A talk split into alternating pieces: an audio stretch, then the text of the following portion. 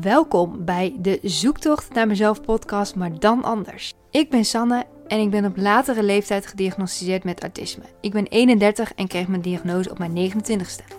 In deze podcast neem ik je mee in mijn zoektocht naar mezelf, waarbij ik deel over mijn worstelingen in mijn leven met autisme en hoe ik daarmee omga. Met deze podcast probeer ik taboes over autisme de wereld uit te helpen en probeer ik samen met jou als luisteraar een wereld te creëren waarin er meer begrip is voor autisme en waarin iedereen elkaar accepteert zoals hij of zij is. Ik wens je alvast heel veel luisterplezier en laat het vooral weten als jij iets wilt delen, als je een stelling hebt, wat dan ook. Deel het met mij, ik vind het hartstikke leuk. Nu snel door naar de podcast. Hallo, hallo allemaal. Daar ben ik weer met een nieuwe podcast. Ik moet zeggen, deze podcast is wel, heb ik wel een week na de vorige opgenomen. Normaal zeg maar een week later. Maar volgende week ga ik een weekendje of een, eigenlijk één nachtje weg met een vriendin van mij. Naar het vakantiehuisje van haar schoonouders. Ik kan als oog en daar heb ik heel veel zin in. Maar dan heb ik geen tijd om de podcast op te nemen. In ieder geval, ik zou het op zondag kunnen doen. Maar ik dacht, weet je wat? Ik ga het vandaag doen. Dan heb ik volgend weekend een soort van vrij weekend. Want, nou ja, het is een druk weekend. Want ik ga dus van vrijdag op zaterdag, vrijdagochtend, ga ik weg. Want ik werk tegenwoordig 36 uur. Dus deze week heb ik nog een, volle werkweek gehad van vijf dagen. Volgende week werk ik dan vier dagen. Normaal gesproken heb ik mijn vrijdag op woensdag ingepland. Omdat ja, ik dan een extra rustdag heb tussendoor. Dus ik ja, ik weet nog niet wat het beste werkt voor mij. Dat moet ik nog gaan ontdekken. Want het kan natuurlijk ook dat ik wel zeg maar vier dagen achter elkaar wil werken en een extra lang weekend. Dat dat, dat dat mij meer oplevert qua energie. Of dat het dus fijner is, wat ik zelf dacht, om dan twee dagen te werken. Eén dag vrij, twee dagen werken en dan twee dagen vrij. Dat is het weekend. Ik dacht, nou, dat lijkt me wel een goed idee. Maar dan heb ik dus, ik heb heel veel flexibiliteit in mijn dagen op mijn beide, ja, bij mijn beide werkgevers. Dus ik heb volgende week op vrijdag de vrijdag opgenomen. Dus vrijdagochtend rij ik naar Callans Oog. Dat is best wel een eindje rijden. Ik heb nog niet gekeken hoe ver precies, maar best wel een eindje. Dus daar ga ik dan heen rijden. Nou, gaan we gewoon gezellig een dagje doen. Gaan we lekker koken daar s'avonds. En de volgende dag hebben we ook nog een hele dag uh, met z'n tweetjes. Want ik zie haar bijna nooit, omdat ja, zij woont ook best wel ver weg. Dus ja, we zien elkaar eigenlijk bijna nooit. We spreken heel vaak spraakberichtjes in. En dat is ook zeg maar de aanleiding voor deze podcast ooit geweest. Dus ja, het is wel grappig eigenlijk. Maar de zaterdagavond is er een zomerfestival van mijn ene werkgever, van Rots. Dus dan ga ik daar naartoe. Dat is in, nou, dat is in Brummen. Nou, Oog, dat is volgens mij ook nog best wel een eindje. Dus dan ben ik zondag denk ik ook wel echt kapot. Want ik moet van Brummen ook nog weer terug naar huis rijden. En dat is ook een uur rijden in de avond. Zaterdagavond. Dus ja, dat wordt wel, uh, wordt wel heftig. Ik heb er ook wel zin in natuurlijk, maar ook heftig. Dus nou ja, dat even de reden dat ik nu. Uh, want ik wil namelijk graag. Nou, ik heb vorige keer gezegd meer interactie. Nou, en ik heb echt heel veel reacties gekregen. Dus ik, ik ben echt super blij daarmee. En ik had dus. Ik wil die reacties bespreken op mijn uh, stickers op Instagram. Dus had ik vragen gesteld en polls uitgezet. Dus die wil ik graag gaan bespreken vandaag. En ik wil jullie jou vragen om een. Ja, ik zat te denken van wat is leuk om te doen. En ik heb van een luisteraar ook echt een super goeie gekregen. Dat we een probleem pakken. Dus als jij anoniem natuurlijk jouw probleem wilt delen. Dus um, ik denk dat het leuk is als het, als het ook wel een beetje met autisme te maken heeft. Maar eigenlijk hoeft dat niet eens. Want wij gaan dan het probleem bespreken, maar wel met in ieder geval vanuit autisme bekeken. Dat we dan kijken van, hey, hoe kun je daar het beste mee omgaan? Dus het probleem hoeft niet per se te maken te hebben met autisme, maar wel hoe ik het ga bespreken. Ja, dan neem ik natuurlijk wel mee van hoe kun je het beste doen.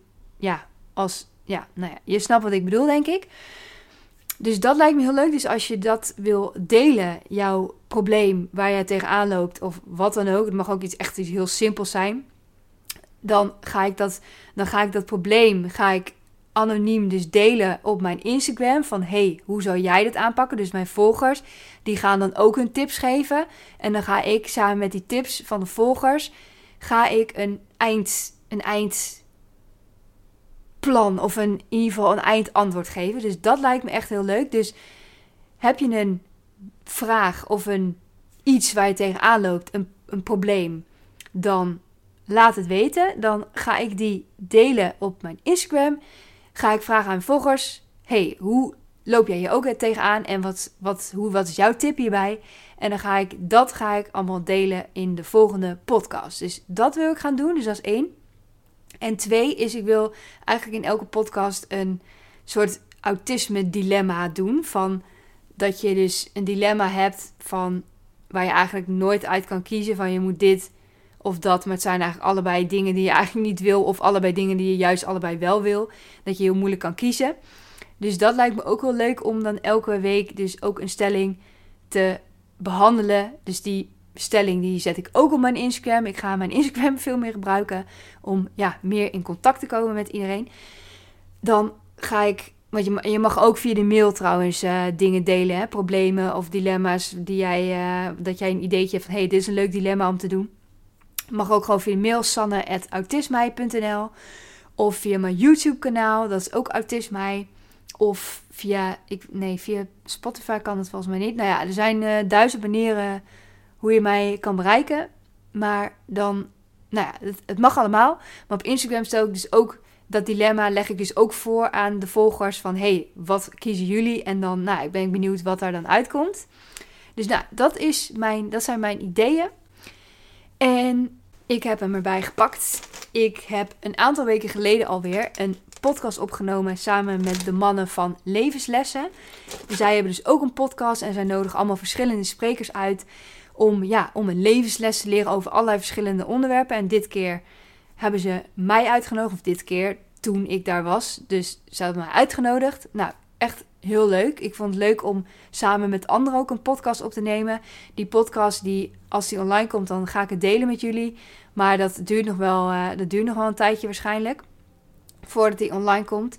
Maar uh, ja, het ging dus over autisme. En uh, ja, ze zeiden wel dat het een van hun meest kwetsbare podcasts is tot nu toe. En dat vond ik wel grappig, want ik heb helemaal niet dat idee. Want ik eigenlijk elke podcast die ik maak is eigenlijk best wel kwetsbaar. Omdat ik eigenlijk best wel deel waar ik allemaal tegenaan loop. En dingetjes die je misschien. Ja, misschien delen mensen dat niet zo snel. Maar voor mij is het best wel vanzelfsprekend van ja, dit gebeurt er. Dus ja, waarom zou ik het niet delen? En ik heb ook. Ja, ik heb. Ik, ik merk dat ik wel echt steeds meer ook mezelf word. En ook op het werk. Dat ik. Um, ja, af en toe zeg ik ook dingen wat er uitvloept, wat misschien niet zo heel handig is. En de collega's moeten er ook weer heel hard om lachen. Maar soms denk ik, oh ja, misschien had ik dat niet moeten zeggen.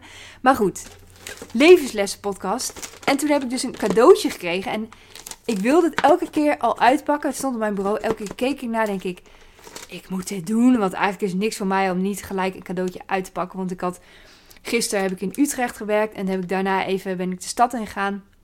En toen heb ik, uh, ik vind het dan leuk om, ik, ik heb echt een cadeautje voor iemand gekocht. Maar bij diezelfde winkel, Dille en Camille, echt geweldig. Niet gesponsord, wat dan ook. Um, is, dat vind ik echt een leuke, leuke winkel. Maar toen heb ik dus ook iets voor mezelf gekocht. En dan vraagt die kassamedewerker van, wil je het ingepakt? Zeg ik altijd ja, want ik vind het leuk om voor mezelf een cadeautje te hebben. Dus wie doet het ook, steek je hand omhoog. Want uh, ja, je moet jezelf soms ook gewoon een cadeautje geven. Dat is gewoon belangrijk.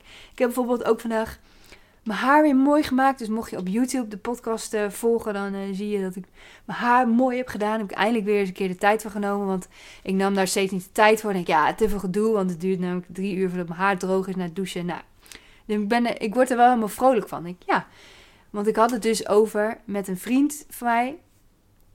Uh, met een vriend, met mijn date, waar ik mee aan het daten ben. En we hadden het over en toen zei ik van... Ja, ik vind eigenlijk thuiswerken, ik vind heel chill.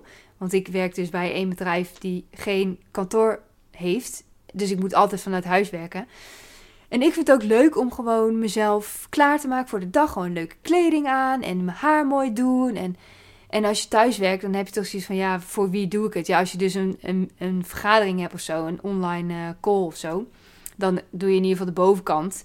Maar ik neem toch wel minder moeite om mezelf mooi te maken dan, ja, dan als ik echt eruit ga. Dus nou, dat zei ik van, dat vind ik soms wel jammer dat ik dat niet heb. Dus vandaag heb ik mezelf wel mooi gemaakt. Maar ik ga vanavond naar mijn ouders om te barbecuen. Maar goed.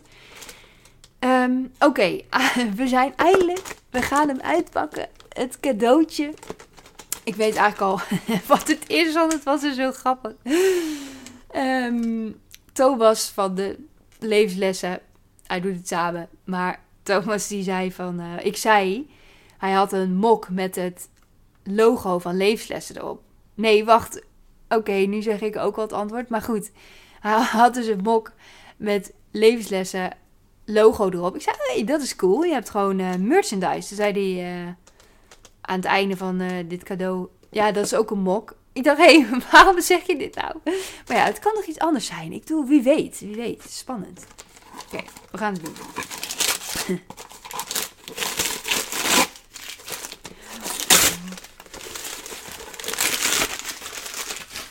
Leuk. Oh ja, dit is, dit is ook chill. Zo'n zo'n uh, plak, plakband. Het is natuurlijk niet, voor de luisteraars is het natuurlijk niet heel, heel uh, interessant dit stuk. Bedenk ik me opeens. Maar je hoort wel openingsgeluiden. Spannend. Kijk! Oh, het licht is te heftig. Een mok met het levenslessen logo. Kun je het zien? Ja. Nou, hartstikke leuk. Ik ben er blij mee. En uh, ja, als de podcast online komt, dan uh, ja, laat ik het weten aan iedereen. Dus bedankt voor deze leuke mok. Ik vind altijd cadeautjes krijgen vind ik heel leuk. Cadeautjes geven vind ik ook heel leuk. Dus ja, helemaal blij, helemaal blij. Maar ja, met mijn verjaardag, dat heb ik dus wel. Ik ben binnenkort jarig, 30 juni ben ik jarig. En als mensen mij vragen, ja, wat wil je voor cadeautje? Ja, ik, eh, ik heb geen idee. Ik, uh, ik vind dat zo hebberig of zo. Als je denkt, ja, dat wil ik, dat wil ik, dat wil ik. Ik denk, ja, ik wil wel heel veel dingen. Maar ik wil het ook graag eigenlijk gewoon zelf kopen. Omdat ik vind gewoon te veel gevraagd aan andere mensen om mij dingen te geven. Ja, ja, is een beetje stomme. Wat ik graag wil is Nee, ja, weet ik eigenlijk niet. Ik weet serieus nu even niet. Ja, ik wil voor in de winter. Dat, dat heb ik wel. Daar ben ik nu een soort van voor aan het sparen. Want nu is het natuurlijk niet echt nodig om dat te kopen. Maar je hebt stoof met S-T-O-O-V. Ook niet gesponsord. Als je een sponsor bent en je wilt mij sponsoren, dan is het altijd welkom. Maar stoof dus, stoofkussens, die, dat zijn infraroodkussens. En die kun je dus opladen. En die kun je dus draadloos kun je die dus gebruiken. Dus dan kun je ze ook meenemen. Ik zou ze dan echt meenemen naar het werk en zo, want ik heb het altijd koud. Dus dat is gewoon echt ideaal. Dus dat zou ik heel graag willen hebben. Maar ik vond ze wel een beetje prijzig, dus ik heb niet uh, nog gedaan. Maar goed, we gaan naar Instagram, omdat ik daar de vraag had uitgezet. En dan moet ik even kijken hoe ik daar ook weer bij kwam. Ja. Nou ja, de vraag die ik had, dat was dus ook een uh, suggestie van een luisteraar. Zij had gevraagd van hoe zit dit met het doelgroepregister? En dat is dus, nou, dat leg ik zo wel uit wat dat is. Of nee, ik ga het nu uitleggen, want anders dan weet je natuurlijk helemaal niet waar het over gaat. Het doelgroepregister, lees ik even voor. In het doelgroepregister staan mensen met een arbeidsbeperking. Zij hebben vaak moeite een baan te vinden. Het gaat om mensen met een lichamelijke, psychische of verstandelijke handicap. Kabinet en werkgevers hebben afgesproken dat zij extra banen gaan maken voor mensen met een ziekte of handicap. En wat ik erbij heb geschreven is: als je autisme hebt, kun je dus ook in het doelgroepregister komen. En ik zit daar ook in. En dat is eigenlijk, ja, ik dacht, wat kan het voor kwaad om daarin te stappen, zeg maar. Of niet, ja, niet dat je daar heel bewust instapt of zo, maar het was ook met mijn, na mijn diagnose kreeg ik meer praktische begeleiding van Mee Veluwe. En zij zei ja, het is wel goed als je dat uh, gaat aanvragen eigenlijk. Ik, ik weet niet eens meer of dat daar was. Ja, volgens mij wel. Maar ik werk nu dus ook via Autitalent. En daar moet je ook geregistreerd staan in dat register om daar te kunnen werken. Omdat als je dus in dat register staat, dat, dan hebben werkgevers krijgen dus ook bepaalde voordelen. Als je bijvoorbeeld ook ziek wordt en dat soort dingen. Dan krijgen werkgevers, krijgen, krijgen geloof ik dan zeg maar een soort subsidie voor de loonkosten als je ziek bent. Dus misschien belangrijk om, of belangrijk goed om ook te bespreken, wat zijn de voordelen van het doelgroepregister? Er zijn regelingen voor werkgevers die het aantrekkelijk maken om in dienst om iemand in dienst te nemen of te houden, zoals het loonkostenvoordeel. Dit is een financiële tegemoetkoming voor uw werkgever als hij u in dienst neemt en houdt. Een vergoeding voor aanpassingen op de werkplek. De no-risk polis, dus dat wat ik net zei. Dat je dus uh, dat, dat je uw werkgever hoeft een groot deel van uw loon niet zelf te betalen als je dus ziek wordt. Dus dat en, en dus inderdaad die aanpassingen en dus eventueel ook een tegemoetkoming. Ja, volgens mij was het dus zo als je dus voor 80% kan, dat je die 20% is dan, uh, wordt dan ja, uh, bijgelegd. Maar nou daar hoef je, moet je me niet op vastpinnen. Maar in ieder geval hebben ze voordelen, financiële voordelen ervan. Dat, dat was dus iemand die vroeg van ja, uh, wat, wat heb je daaraan? Aan het doelgroepregister. En er zijn natuurlijk voordelen voor de werkgever, maar wat is nou het voordeel als werknemer eigenlijk? Eigenlijk is dat denk ik veel belangrijker. Maar goed, ik snap dat het, ja, het gaat altijd om geld. Dat vind ik soms wel een beetje jammer, maar goed, het is wat het is. Dus ik vroeg: Ben jij bekend met het doelgroepregister? En het, het is wel opvallend dat van mijn volgers, dus dat zijn, ja, dat is in ieder geval mijn doelgroep, zijn natuurlijk vooral vrouwen met autisme, maar mensen met autisme. 61% zegt nee. Dus het merendeel, die, heeft dus, die is daar dus niet bekend mee. Dus eigenlijk is dat best wel jammer, want je zou in ieder geval ervan moeten weten. Kijk, je hoeft niet dan dat je, daarmee, dat je daarin bent opgenomen, maar wel dat je in ieder geval weet dat het bestaat en dat er, ja, dat de mogelijkheden er zijn. Want bijvoorbeeld, als je een aanpassing nodig hebt op het werk, dan is het fijn als je. Dan is het misschien wel makkelijker om dat aan te geven, omdat jouw werknemer, werkgever daar dan ook een subsidie voor krijgt. Dan zou die ook eerder geneigd zijn om te zeggen: Oh ja, dat is goed. Dus ja, het kan natuurlijk wat dat betreft is het dan wel weer voordelig voor, voor ons als werknemer, zeg maar. Dus ja, 39% zegt ja en 61% zegt dus nee. Dus dat is best wel. Uh, nou, ik hoop dat ik nu die mensen heb geleerd wat het in ieder geval wat het is. En toen heb ik gevraagd: wat is jouw ervaring? Heeft het jou geholpen of juist niet? Vertel. En toen heb ik daarna ook nog zeg maar een vraag. Nou, die gaan we zo meteen beantwoorden. Uh, even kijken. De antwoorden op de stickers is.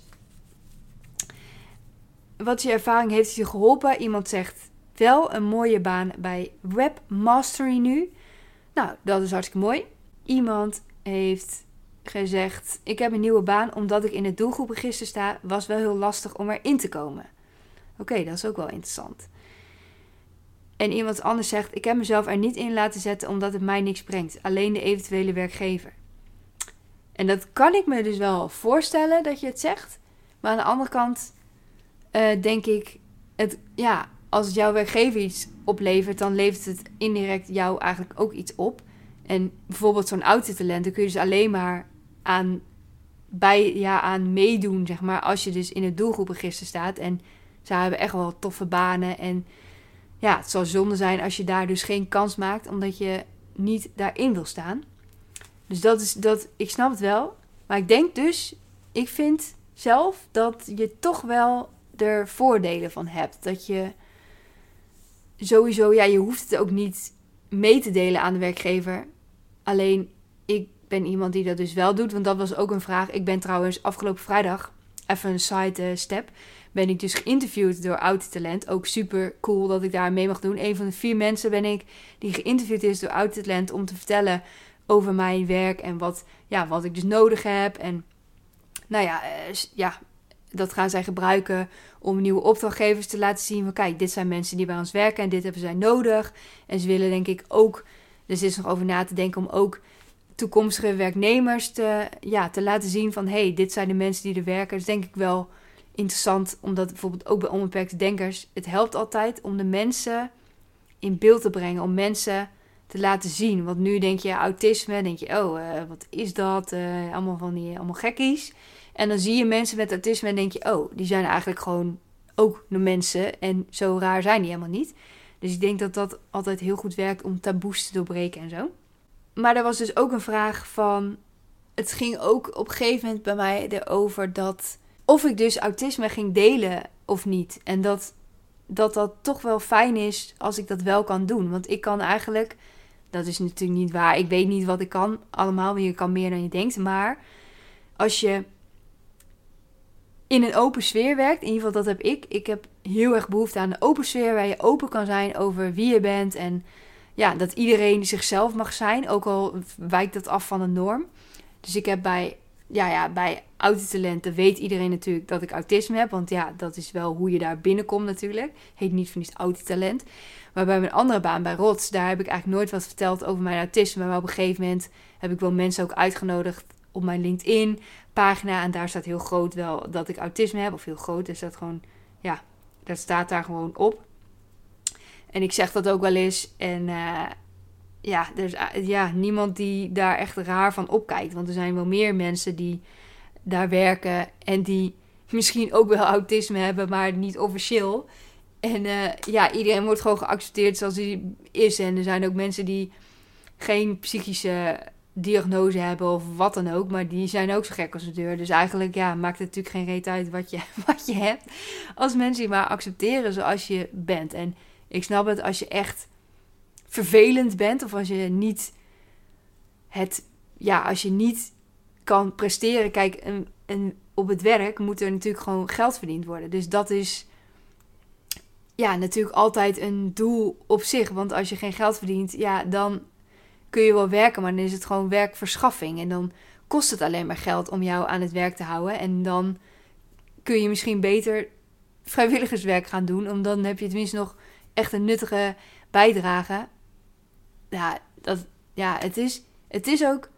Daar hadden we het ook in het interview met Uittalent over. Van ja, wat betekent werk voor jou? Het geeft gewoon zoveel voldoening. Maar het kan dus ook vrijwilligerswerk zijn. Dus het hoeft niet per se betaald werk te zijn als je echt niet kan werken, ja, dan, dan, dan is het echt niet leuk als mensen zeggen: ja, werken heeft veel voldoening. En, maar ja, als jij niet kan werken, dan, dan moet je iets anders verzinnen wat je wel kan doen om toch die bijdrage te kunnen doen. En dat is denk ik ook wel een stukje acceptatie van: ja, ik kan het niet. Dat, dat, je moet natuurlijk niet zeggen: ik kan het niet als je dingen wel stiekem kan, want dat is natuurlijk, daar ben ik geen voorstander voor van.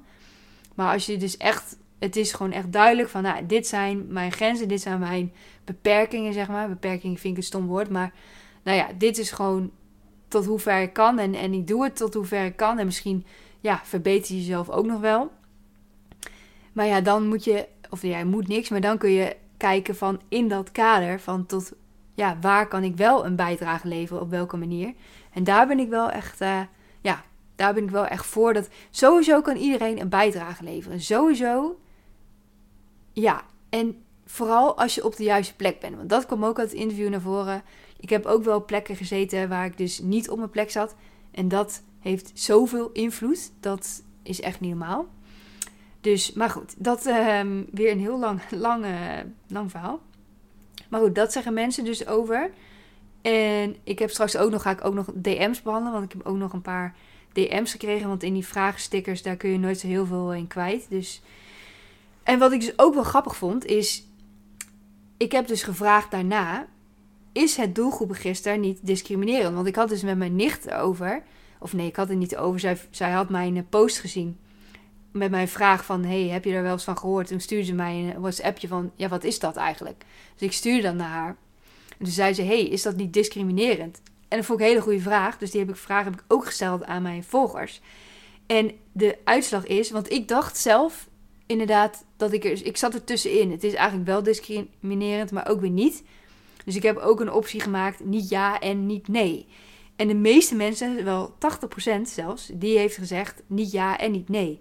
Omdat, omdat, dat weet ik natuurlijk niet waarom, maar dat vind ik wel bijzonder. Dat, nou ja, ik ben altijd wel ook van, het is nooit zo zwart-wit. Maar ik snap, dus ik kan me ook dus bij iedereen wat in, in uh, hoe zeg je dat? ik kan alle kanten kan ik begrijpen.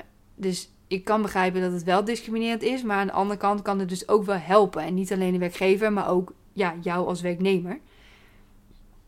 En volgens mij hebben mensen daar ook in de DM op gereageerd. Iemand zegt: Hi Sanne, naar aanleiding van, van je berichtje over het doelgroepregister. Ik werk zelf als klantmanager werk en reïntegratie bij een gemeente, al jaren in dit werk.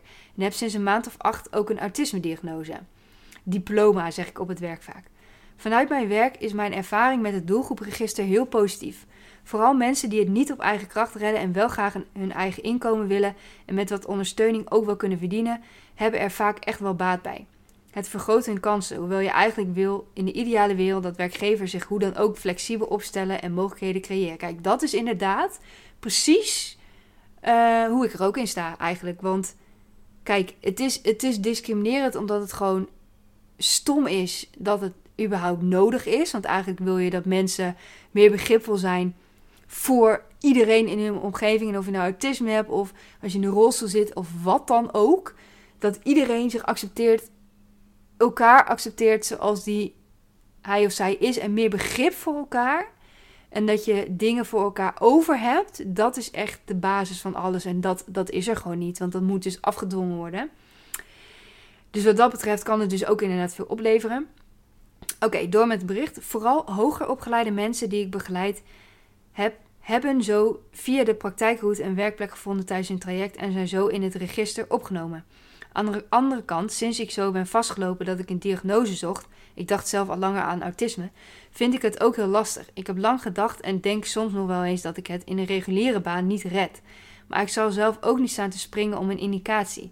Ik weet of voel eigenlijk nog steeds niet goed aan of wat ik nu doe haalbaar is en blijft. Het lukt, maar het gaat niet vanzelf en ik moet vaak thuis in de zorg voor het huishouden en dochter een stapje terug doen. Ik probeer wel de kennis en ervaring die ik vanuit mijn diagnose etc. heb mee te nemen in gesprekken met cliënten. Zorg dat ze zich gehoord voelen en dat ze de tijd kunnen nemen. Ik merk dat ik soms anders omga met mensen met een psychische kwetsbaarheid dan collega's. Ik zal bijvoorbeeld een alleenstaande ouders met bijvoorbeeld autisme en ADHD of ADD en een kind met autisme of een andere stoornis niet zo snel pushen om meer te gaan werken als de balans nog kwetsbaar is. Maar goed, het blijft mensenwerk en elke situatie is weer anders. Ja, dit vind ik echt een heel mooi, heel mooi geschreven ook. Dit is, ja, dit is precies hoe ik er ook naar kijk. En is het ook mooi dat ze zelf ervaring heeft met in haar werk als dus reïntegratie en klantmanager werk. Als klantmanager werk en reïntegratie dat is echt, ik vind dat echt een mooie, mooie punt van waaruit zij dus dit ook zegt. En dan is ook nog eens ervaringsdeskundige. En ik vind het ook wel mooi dat ze zegt dat collega's er dus anders mee omgaan. En ik kan me dat ook wel weer voorstellen, omdat het heel moeilijk is om je als neurotypisch persoon in te leven. Het is moeilijk om als neurotypisch persoon jezelf in te leven in een situatie van iemand die dus neurodivers is. Dat, dat is gewoon heel moeilijk. En als je dat zelf. Ja, ik, ik vind het wel jammer dat het zo is. Maar ja, andersom is het misschien ook zo. Ik zou niet weten hoe het is om normaal te zijn. Ik, ik kan me dat niet voorstellen hoe dat is. Dus ik heb van mezelf wel veel begrip voor, ook voor neurodiverse mensen. Omdat ik zelf ook neurodivers ben. Dus dan heb je automatisch weer meer begrip. En ik wil zeggen dat ik het knap vind dat je, dat je nog doet naar degene die het heeft getypt geschreven. Ja, en dat het niet vanzelf gaat. Het is, het is mooi dat je al wel bewust bent van het gaat niet vanzelf. Want dan is het misschien ook makkelijker om te denken van hé, hey, wat heb ik nodig om het dus wel te zorgen dat het, ja, dat het wel ook allemaal gaat. En samen met je gezin en het huishouden en dat soort dingen. Dus dat is denk ik wel de eerste stap die je hebt. En dat je wel ja, die bewustwording hebt van hé, hey, nu gaat het misschien niet goed. En wat kun je dan doen? Welke hulp kun je vragen? Dus nou, wel echt een mooie, mooie, mooie bericht. De volgende. Iemand zegt dubbel. Er wordt wel gelijk zo'n beeld gevormd in mijn ogen door potentiële werkgevers. En ik vind de banen ook niet per se leuk of zo die ik tegenkom. Jij wel? Nee, inderdaad. Sommige banen die speciaal voor mensen met autisme zijn, die zijn wel echt precies gericht op de stereotyperende mensen met autisme. Dus ja, dat, het is, het is, uh, er is nog wel een weg in te, in te slaan, zeg maar. Een, een uitzendbureau voor mensen met autisme is al, is al mooi. Alleen als daar nou ook nog banen zouden komen die, ja, eigenlijk gewoon normale banen, maar, die, maar van werkgevers die dus openstaan om dus aanpassingen te doen, om mensen meer thuis te laten werken, om minder contactmomenten in te plannen, om een andere, een eigen kantoorhokje te maken voor iemand of wat dan ook. Eigenlijk hebben we dat nodig. Niet per se andere banen. En met we bedoel ik mezelf eigenlijk vooral. En mensen die lijken op mij. Dus eigenlijk is dat ook niet echt een. Natuurlijk ook niet. Ik ben ook niet. Uh, ik sta ook niet voor iedere autist. Met, persoon met autisme. Iedere persoon met autisme is toch weer anders. Maar het is wel jammer dat inderdaad dan de niet-stereotype mensen met autisme dan een soort van overgeslagen worden. Die moeten maar toch maar de normale banen. Maar dat lukt dan niet. En werkgevers staan niet open om ja, dingen aan te passen. Die nemen liever iemand aan zonder autisme, omdat het makkelijker is. Dus um, ja, dat is, dat is uh, ook wel een dingetje waar, waar wel verbetering nog in mogelijk is. We gaan verder. Ik sta er niet in overigens, in het doelgroepregister, maar kijk wel af en toe wat voor banen ik daarvoor kan vinden. Waarom moet iemand in een speciaal register staan om een passende baan te kunnen vinden? Ik ben bang dat het ook een heftiger beeld kan geven dan nodig.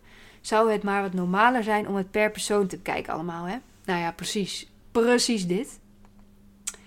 Precies dit. Dus um, ja, ik, dat is precies wat ik net ook zei. Van ja, het zou mooi zijn als je inderdaad per persoon kijkt. En dan ja, komt het allemaal uh, best wel.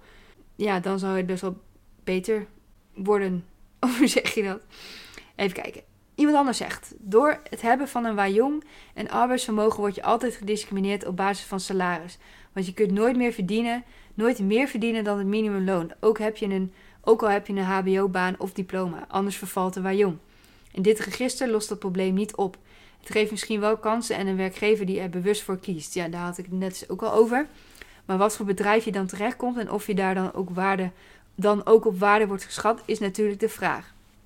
Ja, en dat is natuurlijk wel een dingetje. Als je dus echt afgekeurd bent en je hebt een jong uitkering, dan, ja, dan is het eigenlijk niet eerlijk dat, ja, dat je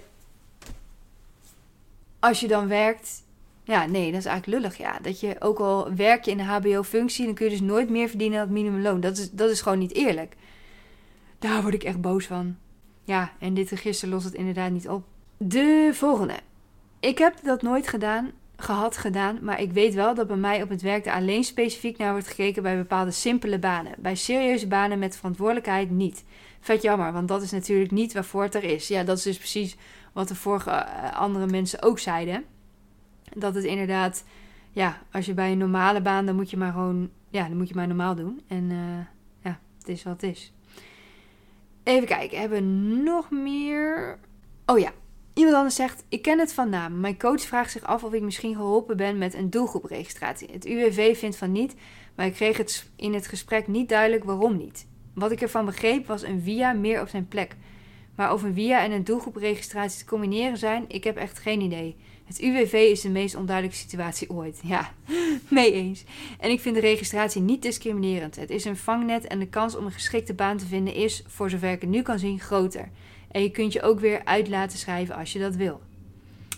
Maar inderdaad, UWV is echt heel uh, verwarrend. En ik weet inderdaad ook niet of via en doelgroepregistratie te combineren zijn. Ik denk het eigenlijk wel, want doelgroepregistratie is verder niet iets op zich. Het is alleen iets wat kan helpen als je dus werk gaat zoeken. Het is niet dat je dan ja, met uitkeringen. In ieder geval, nee, ik durf het ook niet te zeggen, want ik weet het natuurlijk ook niet. Ik ben ook geen expert in de, in de regels.